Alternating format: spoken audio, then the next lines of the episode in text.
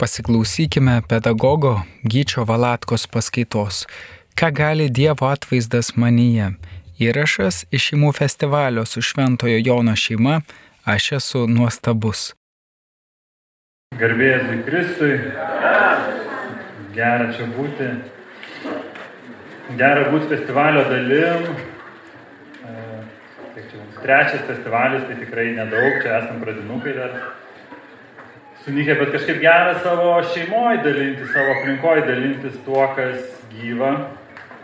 Ir e, aš besiruoždamas paskaitai šitai, kažkaip buvom pasarinamis su Ula ir Ula yra mano dukra. Ir e, klausė, tėti, ką čia veiki, sakau, nu, va, ruošiuosi paskaitai, kažką sakysiu bažnyčios draugam. O jis sako, ką tu sakysi, jiems sakau, dar nežinau, turbūt sakysi, kad juos labai myli. Nu, sakau, iš esmės tai taip. Tai aš jūs labai myliu, labai gera čia būti. Tai kaip ir viskas galėtų būti. Tik tai e, tas mažas klausimas, kodėl? Ne? Ir e, čia taip e, brolius Paulius jaučiu nuo ryto tokį užvedė tą traukinį, jis toksai gan, e, kaip čia sakyti, sunkės svoris, ne? Turbūt iš grupelių pajutėt, kad yra turinio. Ir čia Aristotelis, Platonas, transhumanizmas, Tomas Akvinėtis, nu taip man atrodo, jisai stipriai uh, už, užkrovė uh, krovinio. Aš tikrai nesu filosofas profesionalas, labiau mėgėjas ir kažkaip dalinuosi tuo, kas man gyva. Truputį papasakosiu dar, ką veikiu ir kodėl čia stoviu. Ir man kažkaip norisi truputį ir nu, pratesti ir atliepti tą, tą temą, ką brolis Paulius pradėjo, todėl aš jaučiu, aš truputį improvizuosiu. Tai aš čia stoviu todėl, kad aš turiu klausimų, su kuriais noriu pasidalinti ir mes su Valdemaru, kai aptarinėjom programą, jis sako, nu, kad šitie klausimai yra dienotvarkiai mūsų tėvų svarstymų. Tai jeigu taip paprastai grįžtant prie to, kodėl aš esu ir paskui grįšiu prie brolio Pauliaus, tai aš mokau mokykloj e, vaikus vaikus, nu ne vaikai, mokiniai ten yra vyresni, kai kurie vaikai su mašinom atvažiuoja į mokyklą, tai nežinau, ar jie yra vaikai, mes taip juos vadiname, ne? Klausimas irgi kodėl, bet mokau filosofijos, mokiau istorijos, plėtiškumo, kitaip tariant, aš jaučiuosi atsakingas iš suaugusių už humanitarinę kultūrą mokykloje, tai yra humanitarinį išprusimą, humanitarinį išsilavinimą. Ir Platonas Aristotelis yra mūsų uh, apyvartoj intelektualiniai, mes apie tai išnekam, ir papasakosiu, ką aš apie tai galvoju. Nu, kaip aš matau, tai darbas su jaunimu, nes kai mes kalbam apie transhumanizmą, lyčių įvairovę ir taip toliau, tai yra vienareikšmiškai jaunosios kartos temos, kurios ateina socialiniais tinklais ir taip toliau ir, ir mums vyresniem.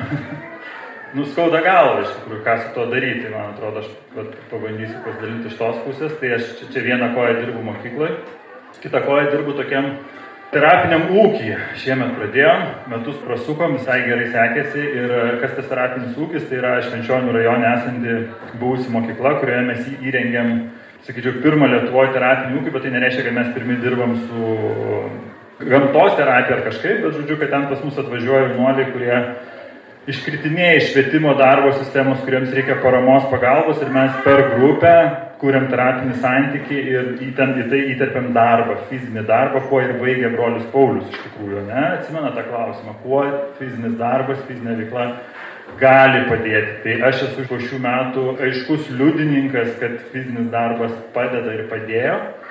Ir toks paskutinis nuotykis iš stovyklos, o čia visiškai dalinuosi tuo gyvenimu, kuriuo gyvenu.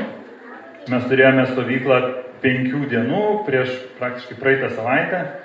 Ir ten miksas buvo iš šeimų ir globos namų jaunuoliai su vairiais sutrikimais. Ir, ir vienas, pavyzdžiui, buvo berniukas, kuris labai, nu berniukas, jam 18, bet labai sunkiai šneka iš tikrųjų. Ten neaišku, ar fiziologija, ar, ar, ar psichologiniai dalykai iš ankstyvosios vaikystės, bet labai labai sunkiai šneka. Iš tikrųjų, mūsų visi ratai terapijos nu, praktiškai neveikia, nes jis arba nerodo, arba nenori rodyti, arba negali tų kognityvinių verbalių gebėjimų.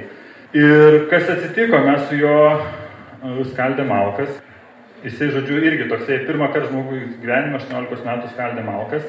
Mes su juo bandėme eiti per visas skirtingas veiklas, kurios jam tiktų.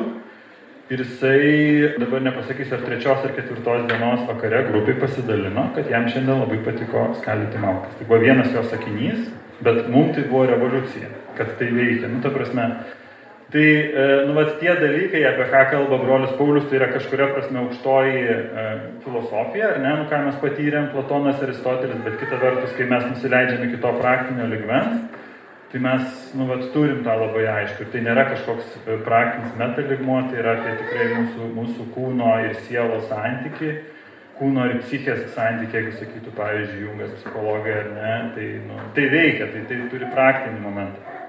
Tai va, ir trečia pusė, iš kurios aš ateinu, yra, aš pradėjau studijuoti ten tokias psichodinaminės, psichoanalitinės studijas, darbo su grupėmis, labiau organizacijų plotmė, bet nesmė. Ir nu, aš atėjau ten kaip praktikuojantis krikščionis katalikas, nu, va, sekantis bažnyčios mokymų Jėzumi ir labai neradau savokų, kaip išaiškinti psichologiškai, nu, va, konkrečiai vienoje tradicijoje, tai ką aš išgyvenu bažnyčiai santykė su Jėzumi. Ir man tada sukilo toksai sportinis principas, truputį intelektualinis principas, paieškoti, kaip aš galiu, kaip aš galiu save atrasti, kaip aš galiu šnekėti tais terminais. Tai aš padariau tokią visišką avantūrą, kurią su jumis pasidalinsiu, apie tai, kaip aš pamačiau nu, tikėjimo bažnyčios santykį su Jėzumi gyvenimą per vieną konkrečią teoriją. Tai va, tai aš jums pristatysiu teoriją ir paskui truputį duosiu pavyzdžių iš tai, kaip man atrodo, kaip bendruomenė čia, kaip jūs čia, čia veikia. Ir tai, kad Čia yra mes esame Švento Jono šeima iš tikrųjų, ne? Tai brolis, seseris, pašvestieji pirmiausia, bet mes irgi, irgi tas žodis šeima irgi jis turi krūvį. Kad mes gyvenam kaip šeima ir mes gyvenam grupinį gyvenimą. Ir mes nu, turim tam tikrus dėsnius, kurie veikia šeimai, grupiai ir mums, nes mes save vadinam šeima kaip bendruomenė.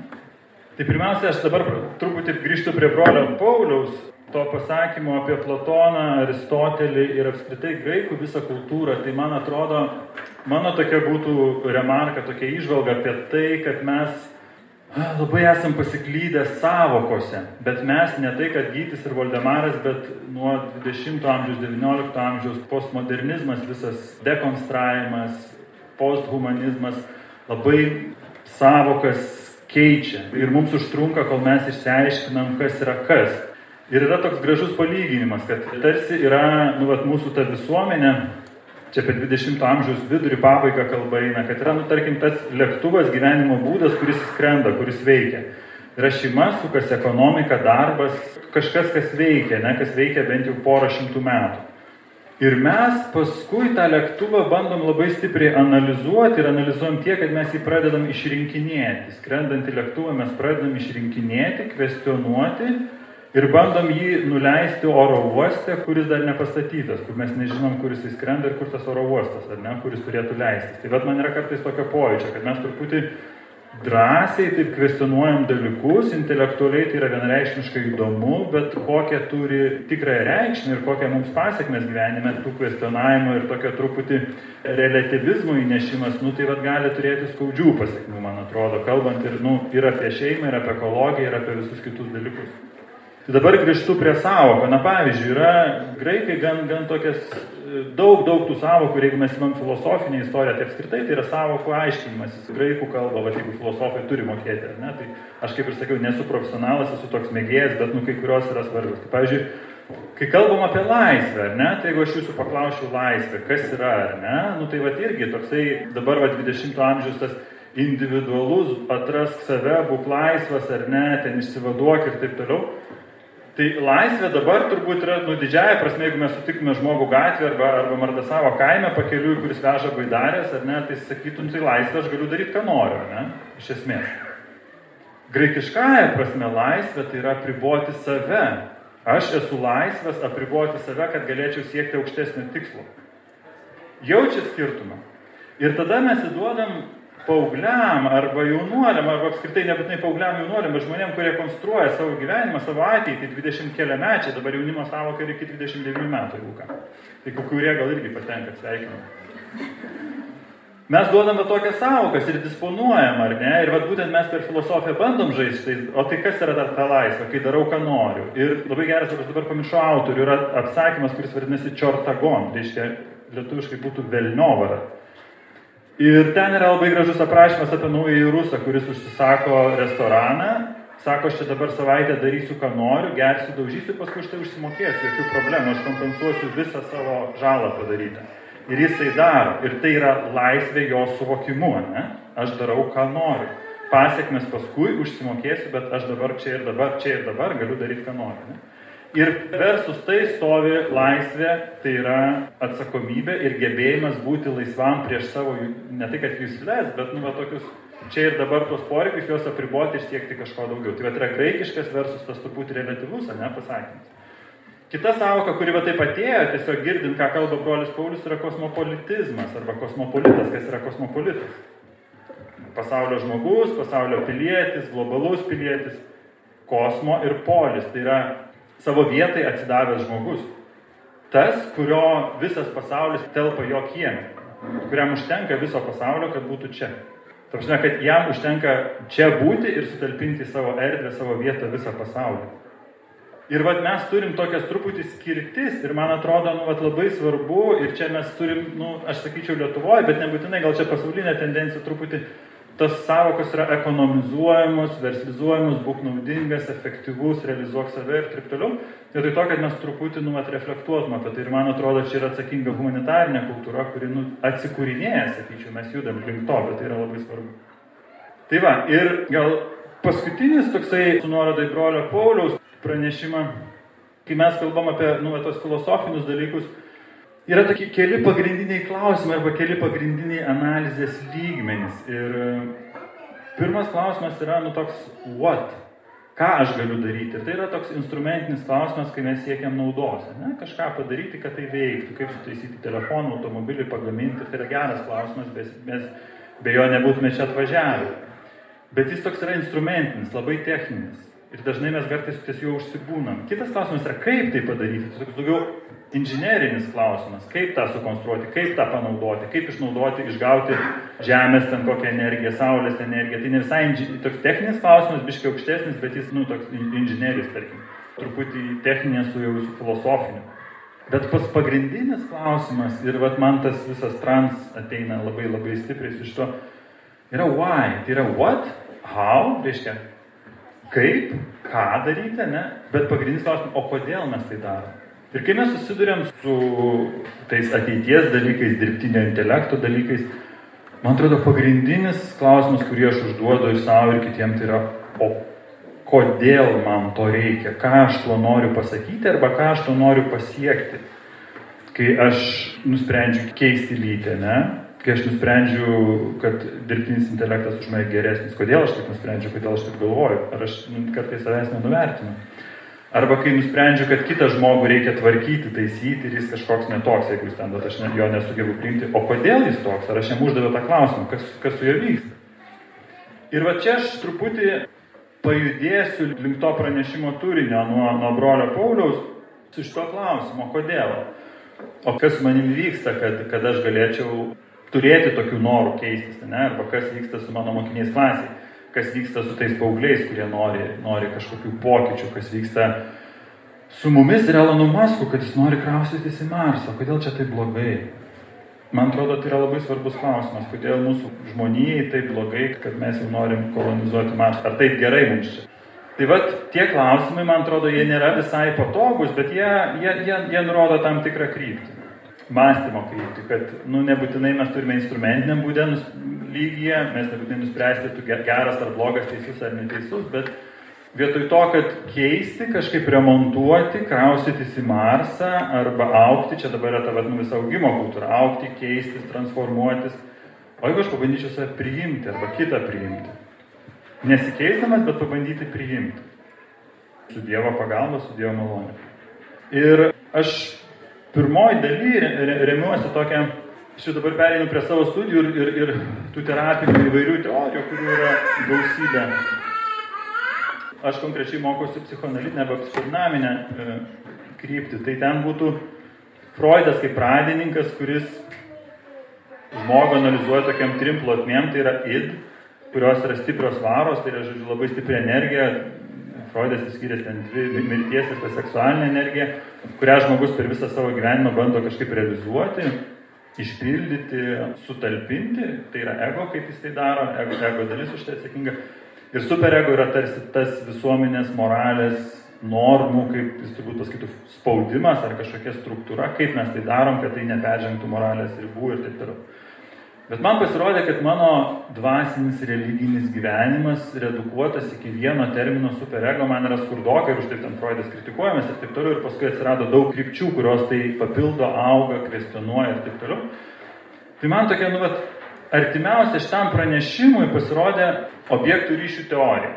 Tai objektų ryšių teorija ką sako? Kad kiekvienas žmogus jaunystėje nuo pat mažų dienų turi tam tikrą santykių visumą. Kitaip tariant, jisai išgyvena nebejotinai santykių su mama, turbūt su tėčiu. Ir e, priklausomai nuo to, koks yra jo santykis, formuojasi jo asmenybė. Ir ankstyvoji vaikystė, ten pusmetis, pirmi metai yra vienareikšmiškai tokios pamatai, tai yra saugumas, pasitikėjimas bendrų pasauliu, kad jis yra geras, saugus, nu, vat, kaip ta mama, kuri apkabina. Paskui jis pradeda suvokti, kad jis ir mama, mamos krūtis nėra viena, kad jis yra atskiras dalykas, čia yra pirmoji krizė gyvenime, ten nuo pusmečio iki metų ir taip toliau. Ir po truputį, kai, kai žmogus auga, nu, va, ta prieraišumo objektų ryšių teorija sako, kad jis nu, vis tiek ryšasi prie tam tikrų objektų, tai yra, kodėl objektai truputį vėliau paaiškinsiu, ne, ne, ne žmogaus ryšių, bet objektų ryšių teorija. Ir jisai bando nu, vat, nuo vieno ryšio pereiti prie kito. Reiškia, iš pradžio yra tik mama, paskui atsiranda šeima, galbūt broliai, seserys, tėtis. Ir jisai tikrinasi, kaip su to jaučiasi. Ir jeigu tas ryšys yra pastovus, tai reiškia, kad formuojasi ir vidinė struktūra, vidinis ritmas, ir išorinė struktūra. Tai reiškia kažkoks ritmas gyvenime, kuris jam yra auginantis, tvarus, jis gali jį apriepti, suprasti, išgyventi kažkaip tai. Ir tai padeda jam aukti. Žodžiu, kažkokia formuojasi struktūra vidinė. Ir vidinė, ir išorinė šeimoje. Dabar, kodėl yra objektų ryšių teorija, ne žmonių ryšių teorija? Todėl, kad tas objektas nebūtinai turi būti žmogus. Jeigu pas vaiką, paauglį, tie objektai labai keičiasi, pavyzdžiui, nėra ten mamos ar tėčio, ar kažkaip jie dinginė, ar kažkas vyksta, tai jis gali prisirišti arba suaugęs, gali prisirišti ir prie skirtingų objektų. Na, pavyzdžiui, vienas mūsų klientas iš, iš terapinio ūkio, Jisai pas mus atvažiuodavo kiekvieną kartą su jūrų keulytė. Ir tai atrodo, nu jūrų keulytė, nu kažkaip ne į temą atsiveža, nu tegu atsiveža, pas mus nu, ten yra, norėjau sakyti, namie ūkija darbė keturios. Tai jis pirmą kartą, kai atvažiavo, susistatė tokį ten iš pledų, pufų, pasidarė iš sofų ten tokį namelį ir pusantros valandos ten žaidė su tom jūrų keulytėm. Ir paskui man paaiškėjo, na, kad ta jūros keulytė yra jo pagrindinis prieraišumo objektas, kadangi jis yra iš globos namų, ten, na, va, tas auklėtojas keičiasi, ten jau dabar turėtų pereiti tą kitą mokyklą aukštesnio lygio, jau ten daugiau tų metų ir taip toliau. Ir kad ta jūrų keulytė yra jam nu, toks artimiausias turbūt objektas, kuris žino, kad nesikeis, kad jis visada šalia gali su juo būti. Tai mes paskui apie tai kalbėjom ir aš kažkaip su juo apie tai kalbėjau, kaip apie jo kažkokį šeimos narį. Nu, visiškai, nu, tada tapo aišku, kad kiek jūs kartu gyvenat, koks tas vardas, ten jis ją priglaudžia, maitina ir taip toliau, nu, kaip kažkoks, ką jis pats gali kontroliuoti, nes tai teikia saugumą. Kontrolė mums teikia saugumą. Tai vad, objektų ryšių teorija yra apie tai, kad mes bandome e, prisirišti, ieškome objektų, su kuriais mes galėtume tapatintis ir priklausomai nuo to paskui mūsų gyvenime atsikartoja tam tikros temos. Tai dabar tikrai užtenka, nu, kad ne, neturi būti ten kažkokia tobula šeima ar kažkaip, bet kad užtenka, sakoma, nu to vieno ar kelių ryšių tvarių, iš kurių mes galėtume imti gyvenimo ritmą, pavyzdį ir mes užaugame sveiki ir, ir tada galime nu, su kažkokiu lygiu paskui tas problemas, kurios mums kyla, spręsti. Dabar, kas yra gal svarbu, e, man atrodo, pasakyti apie objektų ryšių teorija, kad yra tam tikros stadijos, kuriuose per gyvenimą žmogus gali praeiti ir jisai yra tokiam asimetriškam santykiai. Na, na ką aš noriu pasakyti, kad kūdikis vaikystėje yra nu, tiesiogiai priklausomas nuo mamos. Nu, labai, ne? Ypač ten pirmais gyvenimo metais ir taip toliau. Ir tai atrodo labai determinuojantis santykis, kad, pavyzdžiui, jeigu mamai kažkas nutinka, ar su ja kažkas netaip, ar kažkas vyksta, atrodo jo, nu, va, tas gyvenimas paskui gali ir, ir sunkiai pavykti. Tai taip ne visai yra, tai prasme, tai nėra deterministinis santykis, tai reiškia, kad paskui tą santykį gali nuperimti ten mama, jeigu mama negali močiutė, tėtis ir kažkaip papildyti, bet svarbu, kad būtų ritmas. Ir, ir paskui, nu, va, kaip išeinam į tą tokią apibendrinimo plotmę, tai galėtų būti nu, tokia struktūra su meilė. Jeigu, jeigu vaikas jaunuolis gauna struktūrą ir gauna dėmesį, tai jis kaip ir išeina, turi, turi kažkokį tai saugų suvokimą pasaulio ir tuo pačiu gali, nu, gali funkcionuoti. Tai svarbu ir struktūra, architektūra viduje, nuostatų lygmenį, kad pasaulis yra saugus, jame galima gyventi, kiekvienas žmogus nėra žvėris ar kažkaip. Kartais tai būna kitaip, ar ne?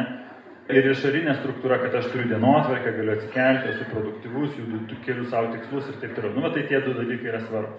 Bet ne visiems tai pavyksta ir mes visi turime įvairių santykių, ar ne? Ir paskui tie santykių trūkumai nu, išsireiškia per tam tikrus mūsų gyvenimo momentus, elementus, kurie mums galbūt nelabai patinka. Ir galima sakyti, kad mes kartais juos slopinam, bandom nejausti, nu, vat, koks galėtų būti toks sveiko žmogaus nenorėjimas priimti savo, nu, tai nepaisimas savo jausmų ir poreikių, ko aš nenoriu jausti. E, būti, pavyzdžiui, patogus vaikas galiu būti, tai reiškia, kad nu, aš atsisakau savo jausmų vardan kažkokio kito bendruomenės gėrio, kito žmogaus ir taip toliau, arba nu, nepaisau savo poreikių, tai labai tarnauju visiems būnu geras, bet iš tikrųjų ne visai suprantu, kas su manim vyksta, bet nesvarbu, vėliau pasigilinti, nes dabar reikia kitam padėti. Na, nu, tokių įvairių daug momentų. Ir vad kas man yra įdomu, kad tarsi tai galėtų būti viskas. Nu, reiškia, aš taip, aš taip užaugau kažkokio aplinkoje, nuo kurios visiškai nepriklausau, nu, ta prasme, aš jau gimiau šeimoje, kokio iš nesirinkau, gimiau kokio gimiau, viskas yra Su tuo, su tuo kaip ir aišku. Ir paskui psichoterapija tarsi turėtų būti vienintelis kelias, kuris man gali padėti, reiškia aiškinti savo ten vaikystės tas prisiminimus, visus niuansus ir tada bandyti suprasti, tai iš kur čia kas kyla. Tai čia būtų nu, tas psichologinis terapinis kelias, kuris, man atrodo, turi savo liniją, savo logiką ir jis veikia. Bet man atrodo, kad yra dar vienas labai svarbus momentas, kurio aš nenoriu taip labai suabsoliutinti, bet Nu, bet galiu, gal ir noriu suabsoliutinti, dabar nežinau, suabejoju. Bet kas nutinka, kai atsiranda mano santykis per Jėzų su tėvu? Tuo, kuris yra dangu ir vat, nu, vat, kurį mes šlovinam, garbinam ir, ir su kuriuo norim būti. Ir čia, man atrodo, yra kažkaip labai svarbus momentas, bent jau aš tai jaučiu per savo praktiką. Ir šitas momentas mums leidžia sakyti, kad tai, kas pas mus vyko vaikystėje, nėra determinuota. Tai reiškia, kad yra mūsų tam tikras gyvenimo etapas. Neno, o gal ir noriu sakyti, vėl tai bijau sakyti drąsiai, bet gal reikia nebijoti, kad nu, iki susitikimo su Jėzum ta tokia grinaja prasme. Nes mes tampam sūnus jį su neįdėviškajam tėvui. Ir čia, nu va čia įvyksta toks man įdomus momentas. Nes kai mes sakom, kad apie psichodinaminę galbūt teoriją, kad mamos meilės niekada nepakanka, kad vaikas visada nu, yra alkanas ir galėtų imti visą dėmesį, bet, pavyzdžiui, jeigu yra brolius seserį, reikia dalintis ir taip toliau. Bet tuo pačiu metu yra nu ta vat, pakankamai gera mama, kuri pasirūpina, suformuoja tą asmenybę, ją saugo ir, ir, ir paleidžia į pasaulį. Tai vad, man Jėzaus sutikimas yra nauja plotmė psichodinaminiai va šito ryšių, objektų ryšių teorija, kadangi tai yra naujas santykis su tėvu. Ir jeigu pasižiūrėtume visą žodyną, arba apskritai, tarkim, trejybės slėpinį, tai Dievas tėvas, Dievas sūnus ir Dievas šventoji dvasia, ne? Tai yra trys dieviškosios asmenybės, kurios, trys dieviškiai asmenys, kurie tarpininkauja arba yra ryšyje tarpusavyje. Ir man, nu čia yra nuostabi Andrėjaus Rubliovo tokia ikona, ten yra nu trys dieviškiai asmenys, kurie yra ryšyje tarpusavį, susitinka žvilgsnis yra tarsi prieki palikta ketvirta vieta kiekvienam iš mūsų, tam, kuris žiūri. Nu, tai yra fantastinis tas fantastinis ikonos pateikimas, kad tarsi jie ir saveikauja tarpusavį trise, bet tarsi yra ir man, man palikta erdvė, kur aš, kur aš galiu prieiti ir, ir, ir, ir tai keičia. Ir tai keičia. Tai čia pirmas, nu, vat, man atrodo, tas yra trejybės slėpinys ir kai mes sakome visagalė amžinasis tėvė, tarkim, iš gailestingumo vainikėlio, aukoju tau. Ar mes iš tikrųjų suprantame, ką mes kreipiamės? Visagali, amžinasis tėvė. Visagali tai reiškia yra mano tėtis, kuris viską gali. Jūs įsivaizduojat, kokia tai yra jėga? Aš atsimenu, man, gal kas atsimenat, kelintais metais nuskendo keltas Estonija. 97. Tai man tuo metu buvo 11 metų Ir man klasiokas pasakojo, kas kas, bet mano tėtis tai būtų išplaukęs, jis nebūtų nuskendęs. Čia buvo nu, 11 metų berniukų pokalbė, ne? Ta prasme, tai yra visagalis tėvas, kuris viską gali ir kuriuo aš nebejoju. Ir dabar amžinasis tėvė.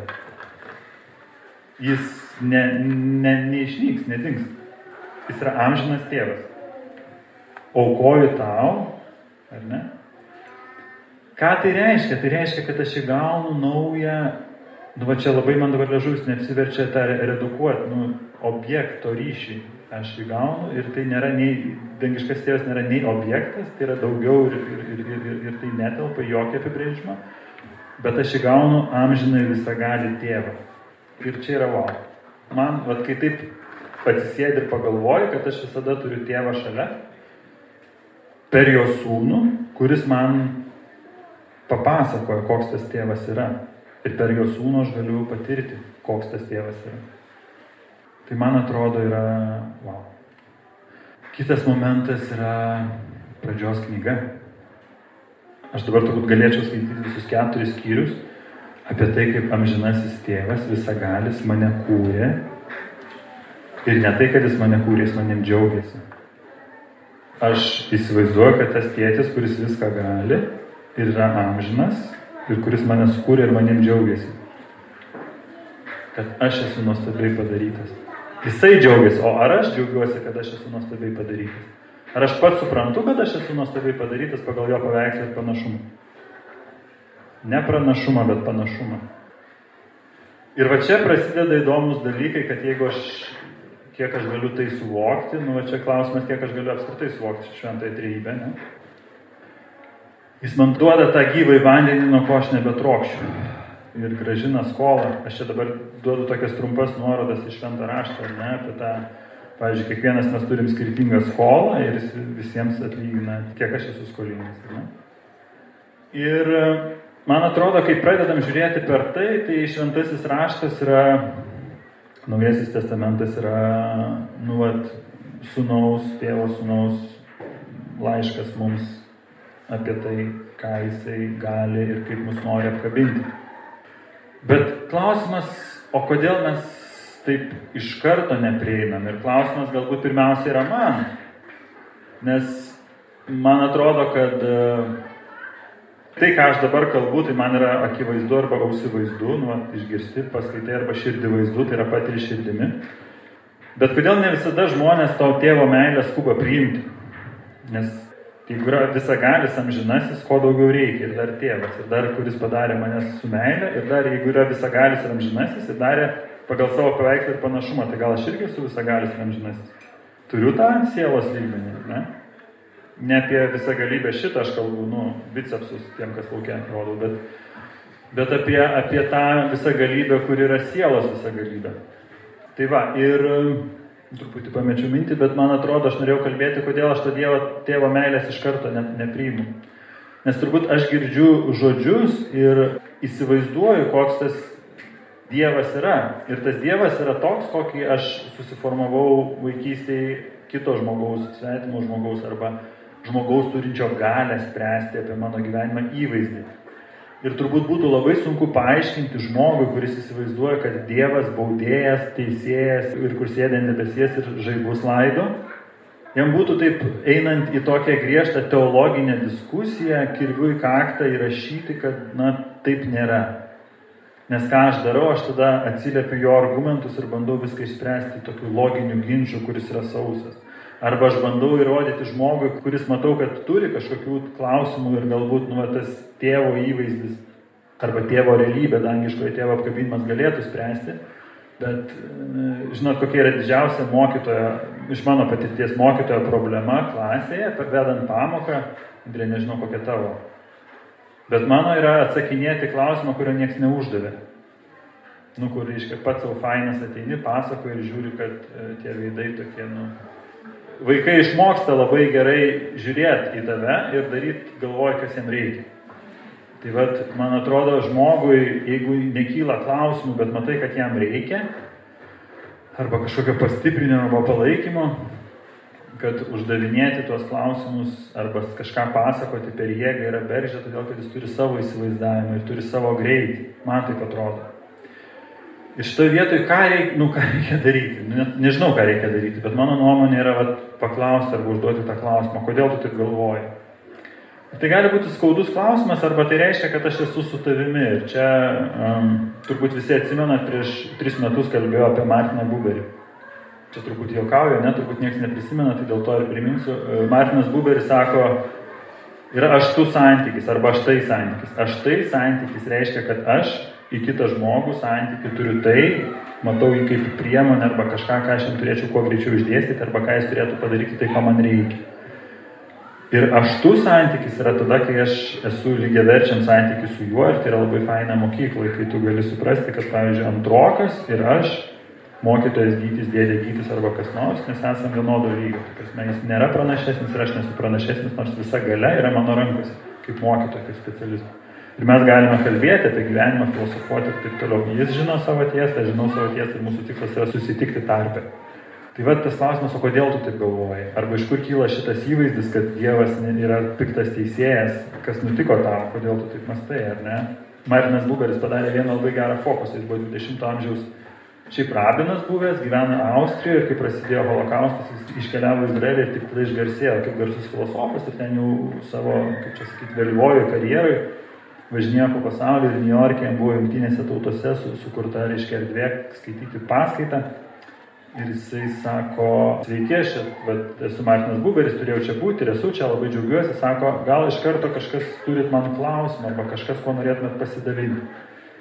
Nu, vienas žmogus pakėlė ranką, sako, aš turiu klausimą. Gerai, sako, ačiū jūs likit, o tada kiti galit įti. Nu, tai, tai yra radikalu, ne? Tai yra radikalus įėjimas į santyki, bet aš nežiūriu jūs kaip į auditoriją, kurią turiu atskaityti paskaitą, ne, aš ateinu su jumis susitikti. Ir tas santykio ligmuo, man atrodo, su žmogumi, kuris turi kažkokį kitokį Dievo įvaizdį, negu mes patiriam čia, eidami, nežinau, Euharistijos išpažinties, adoruodami, jis turi savo logiką. Aš nežinau, ar norėčiau leisti su ta pačia logika į trans dalykus, nes aš jų labai daug nesuprantu, bet galbūt už to, kai žmogus nori kažką keisti savyje radikaliai, irgi yra kažkokia tai logika kažkoks tai pagreitis, kame jis gyvena ir kodėl jis taip galvoja. Ir man atrodo labai svarbus klausimas būtų uždėti, o kodėl tu taip gyveni, kodėl tu taip galvoji ir gal, nu, pasidalinti. Tai man atrodo, tas dialogas yra labai svarbi pradžia. Tai va, ir čia man labai patinka, yra toks Leonardas Kauhenas, kuris iškeliavo netaip seniai, bardas, rašytojas, muzikantas, garsus toks poetas 20-ojo amžiaus antros pusės ir su tokių gerų tekstų parašė. Ir išleido prieš savo mirtį albumą, kuris vadinasi Thanks for the Dance. Ačiū už šokį. Ir ten yra labai daug tekstų religinių susijusių. Šiaip jis, jis žydas, judaistas buvo, bet labai daug yra apie Jėzų, ten, nu, žodžiu, gerų tekstų. Ir jis tokią dainą turi Anthem, vadinasi, himnas ir, ir, ir toj dainoje yra žodžiai There is a crack in everything, that's how the light gets in. Kiekviename dalyke atsiranda plyšys, įtrukimas ir taip per jį patenka šviesa. Tai būtų netiesioginis vertimas. Tai man atrodo, vat, pabūti su tuo žmogumi, kuris ateina su kažkokiu įtrukimu ir nebijoti to įtrukimo, bet leisti tą šviesą ateiti ir liūdyti tėvą, man atrodo, yra bent, esminė bendruomenės pareiga, jeigu jinai vadinasi šeima. Nes šeima kaip grupė, va, apie tai, ką mes mokomės, ką aš mokiausi, ne, ką, ką aš studijuoju, ką aš praktikuoju, tai yra e, labai svarbus dalykas. Ar aš jaučiuosi priimtas, nes tai yra galimybė perkurti savo pasaulyje žiūrą. Ja, nežinau, ar gerai sakyti koreguoti, bet labiausiai priimti save pirmiausia toks, koks esi ir tai kiti gali būti to liudininkai. Ir pavyzdžiui, kai mes dirbam ūkiją, terapiniam ūkiją, tai mes turime fizinio darbo, ten, kaip ir sakiau, skaldom malkas, turim tokias keturias draugiškas oškas, kurios jau turi mažų ožiukų ir vieną nedraugišką ožį, į kurį suprojektuojam visą savo pyktį ir jis tą pyktį mums mielų norų su ragais gražina. Tai nežinau, mes jį pradėjom ryšti, dabar galvom, gal iš viso mums nebereikia, tai gal pykčio nebejausim apskritai. Ir tai tarptų fizinių darbų, aišku, gaminam maistą, nes kaip šeima be maisto, bet iš esmės tai du kart per dieną sėdim grupėje. Tai reiškia, ryte atvažiavę susėdam ir pasidalinam, kaip mums sekėsi diena ir po pietų išvažiuodami, išsiregistruojam, kaip mums praėjo diena. Ir iš pradžių trukdavo maždaug ratas 7-8 žmonių, at kaip jūsų grupelė, didesnė šį rytą buvo, nu tai 15 minučių. Ten jaunuoliam viskas, viskas aišku, tai kokios yra trys jaunuolių nuotaikos, turbūt gerai žinot. Gerai, blogai ir, ir normaliai, puikiai.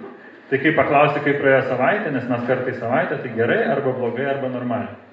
Mūsų rekordas paskui vidury į antrą pusę jau buvo virš dviejų valandų. Ir pavyzdžiui, jaunuolis sėdi ir klausia, kokius jūs narkotikus esat vartoję? Nu, va, jiem kyla tokie klausimai, tada daliniesi, ar ne? Tai aš noriu pasakyti apie tą saugumą. Ir buvo man turbūt toks vienas šių metų atradimų, kai mes dirbam arba dviesi, arba trys, arba aš ir kolegija, psichologija, arba dar kolega yra, kuris labiau dirba rankų darbą. Jis toks specialistas nuostabus, kur ten dažo kėdės, lipdo baldus visokius, ten konstruoja ėdžias, ko aš, ko čia ne, ne mano virtuvė, bet Nu va, ir mes vieną kartą ateinam su kolegė po darbų, grupė jau sėdi ir sakom, ką veikėt ir visi šypsas, ai nieko, sako, žaidžiam šeimą. Tu čia tėtis, tu mama, o čia tas vat, kolega mūsų trečias čia senelis, o mes tai vaikai. Nu ir ten kas ką vaikinasi, ten ir taip toliau. Paskui viena sako, ne, ne, man, tu nebūsi tėtis, aš būsiu emociškai atsitraukęs tėtis, nu ten apie savo tėtį biškai. Bet ką aš noriu pasakyti, kad mes vienaip ar kitaip žaidžiam tą šeimos modelį tas ankstyvųjų ryšių, objektų ryšių, kur ne, negražiai skamba, nu, turi mūsų, mumise tą imprintą, truputį anspaudą. Ir mes, kai pasijaučiam saugiai, mes galime tą truputį perkurti, mes galime tą kažkaip kitaip išgyventi.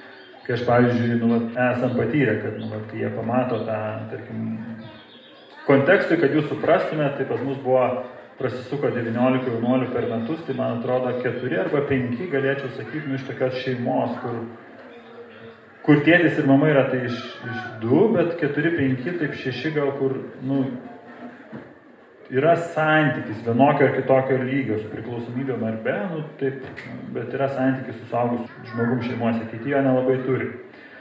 Tai jie, nu, tarkim, iškart suprato, kad čia kažkaip šeima ir kad projektuoja mane ten tėti, mamą, e, kolegę mamą ir taip toliau, kad mes galim tai keisti. Tai va, aš dabar grįžtu prie to dangiškojo tėvo, ne, ir kad kad yra tas įplyšimas kiekvieno žmogaus gyvenime tam tikrų etapų, kai jis kvestionuoja, koks jis yra, ar čia viskas gerai, kartais tai būna po krizų, kartais būna šiaip gyvenime, įvairius etapai, ten tai sako, viduramžio viduržėmio krizė, ne, kur ten labai daug prasmės, nu, žodžiu, yra, yra įvairius iniciacijos ritualai, jeigu ten, pavyzdžiui, žmogus jo nepraeis, irgi kiti klausimai prasideda ta plybojų kultūra dabar, ne plybojų, tai reiškia, kad ne, ne ta erotinė kultūra, bet tai reiškia žaidžiančių berniukų, kurie tarsi yra, gali sauliaisti viską, bet neturi prasmės ir mėgsta žaisti, ekstremalai prasideda ten to, to ribų bandymai ir taip toliau. Bet ties elementariais dalykais kažkokiais mes neturim atsakymų, tos prasmės klausimus ir taip toliau. Nu, tai daug tokių yra visokių momentų. Bet žodžiu, kaip aš toliau matau, tai vad, kad per tą plyšį ir susitikimą su žmogum su bendruomenė Jėzus duoda pakvietimą. Pakvietimą ateiti arčiau. Ir man teko bendruomenį savanoriauti, tarkim, alfa kursą. Nežinau, gal teko tokį girdėti, gal teko tokiame ir būti. Nuotis.